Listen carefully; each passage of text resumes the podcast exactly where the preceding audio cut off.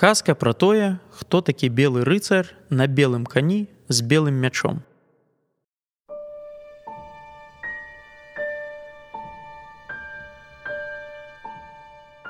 Некалі даўно, яшчэ калі зоркі не паспелі заняць належнае месца, жылі свет і цемра. Свет меў вочы, а цемра была сляпая, бо там, дзе ёсць святло, можна бачыць, а там, дзе цемра, можна толькі адчуваць ды слухаць. Нічога ў свеце не было прыгажэйшага за свет і цемру.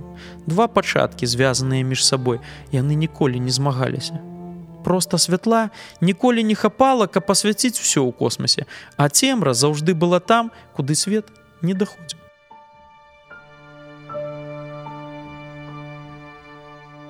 Шоў час, а цемра не пераставала туліцца святла, а свет не пераставаў казытаць цемру сваімі промнямі.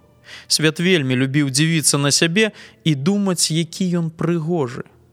Аднойчы свет назіраў за сабой і заўважыў, што яго відаць толькі дзякуючы таму, што недзе далёка, там, куды яго промні не даляталі, ёсць цемра.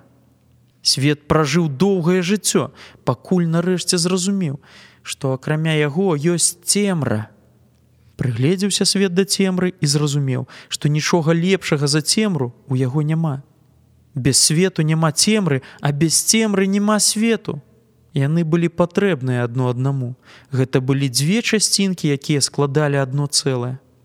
І тады пачаў свет расказваць цемры, якая наладная сваёй халоднай прыгажосцю. Нарэшце закахаліся светы цемра і нарадзіліся ў іх два сыны блізняты. Бацька гэтых хлопцаў быў свет, а маці цемра. Таму і хлопцы былі вельмі падобныя адзін да аднаго, аднак адзін быў такі светлы, што ажно прамяніўся, а другі быў чорным чорным ценем свайго брата.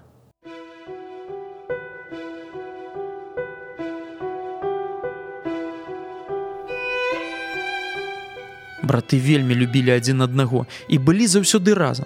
Здавалася, немагчыма было аддзяліць аднаго ад другога. Ніхто і ніколі не бачыў іх паасобку.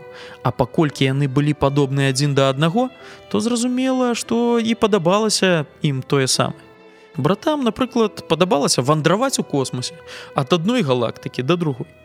Доўга яны вандравалі і вось аднойчы пачулі цудоўны спеў.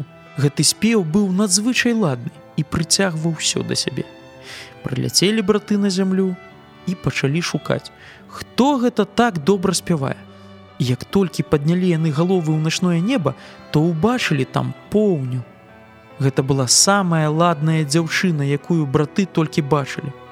Поўня была то светлая і ярка свяціла на зямлю, то на палову цёмная і на палову светлая. То гуляючы з хлопцамі паказвала з цемры толькі вузенькі рэз свайго твару, а іншы раз зусім станавілася чорнай. Поўня мела не толькі ладны голас, які прыцягваў усё на зямлі, а і сама здавалася на палову светам, а на палову цемрай. Ну, невядома, абодва брацікі закахаліся ў поўню. Закахаліся і паляцелі да яе, прылятаюць ды кажуць: « Поўня, Ты такая ладная, што няма нічога лепшага за цябе ў цэлым космосе. І мы абодва цябе кахаем, але мы браты, і мы не можам самі вырашыць, каму адступіцца ад цябе.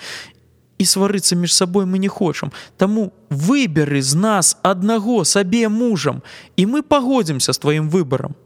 Як вырашыш, так і будзе. Апоўня ім адказвае: абодва вы мне падабаецеся. Таму не магу з вас выбраць, хто мне любы.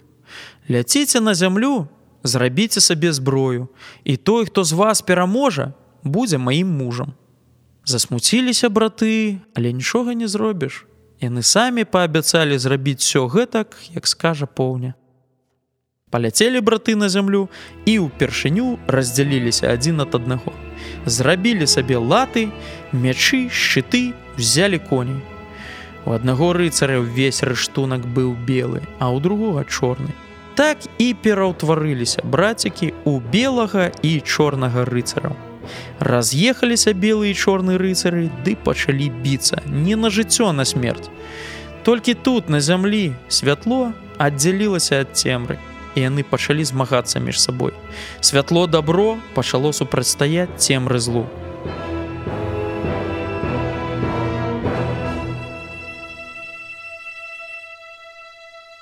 Так яны і змагаюцца паміж сабой. Змаганне рыцараў цягнецца бесперапынна. Калі пачынае перамагаць адзін, надыходзіць дзень. Калі перамагае другі, настае ноч. Панаванне ночы роўнае панаванню дня. А гэта таму, што маюць браты аднолькавыя сілы.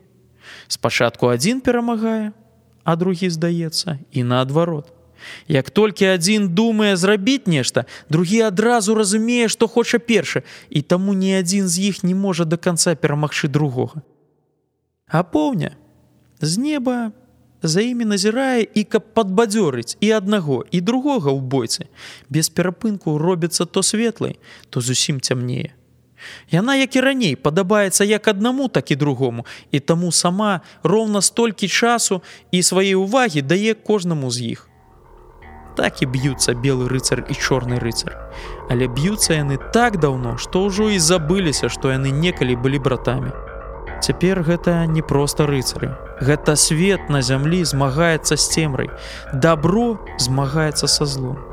Белы рыцар гэта сын света, які нясе святло, цеплыню, жыццё, змагаецца са злом. Без нашага белага рыцара цемра і страх апанавалі б зямлю. Толькі белы рыцар здольны абараніць все жывое на зямлі ад пагібелі. Белы рыцар нясе за сабой святло, а чорны цемру. Святло бароніць людзей і все жывое, а зло спрабуе яго знішчыць. Белы рыцар, які сядзіць на белым кані і трымае ў руцэ белы меч і ёсць наш знак. Гэта наш беларускі герб.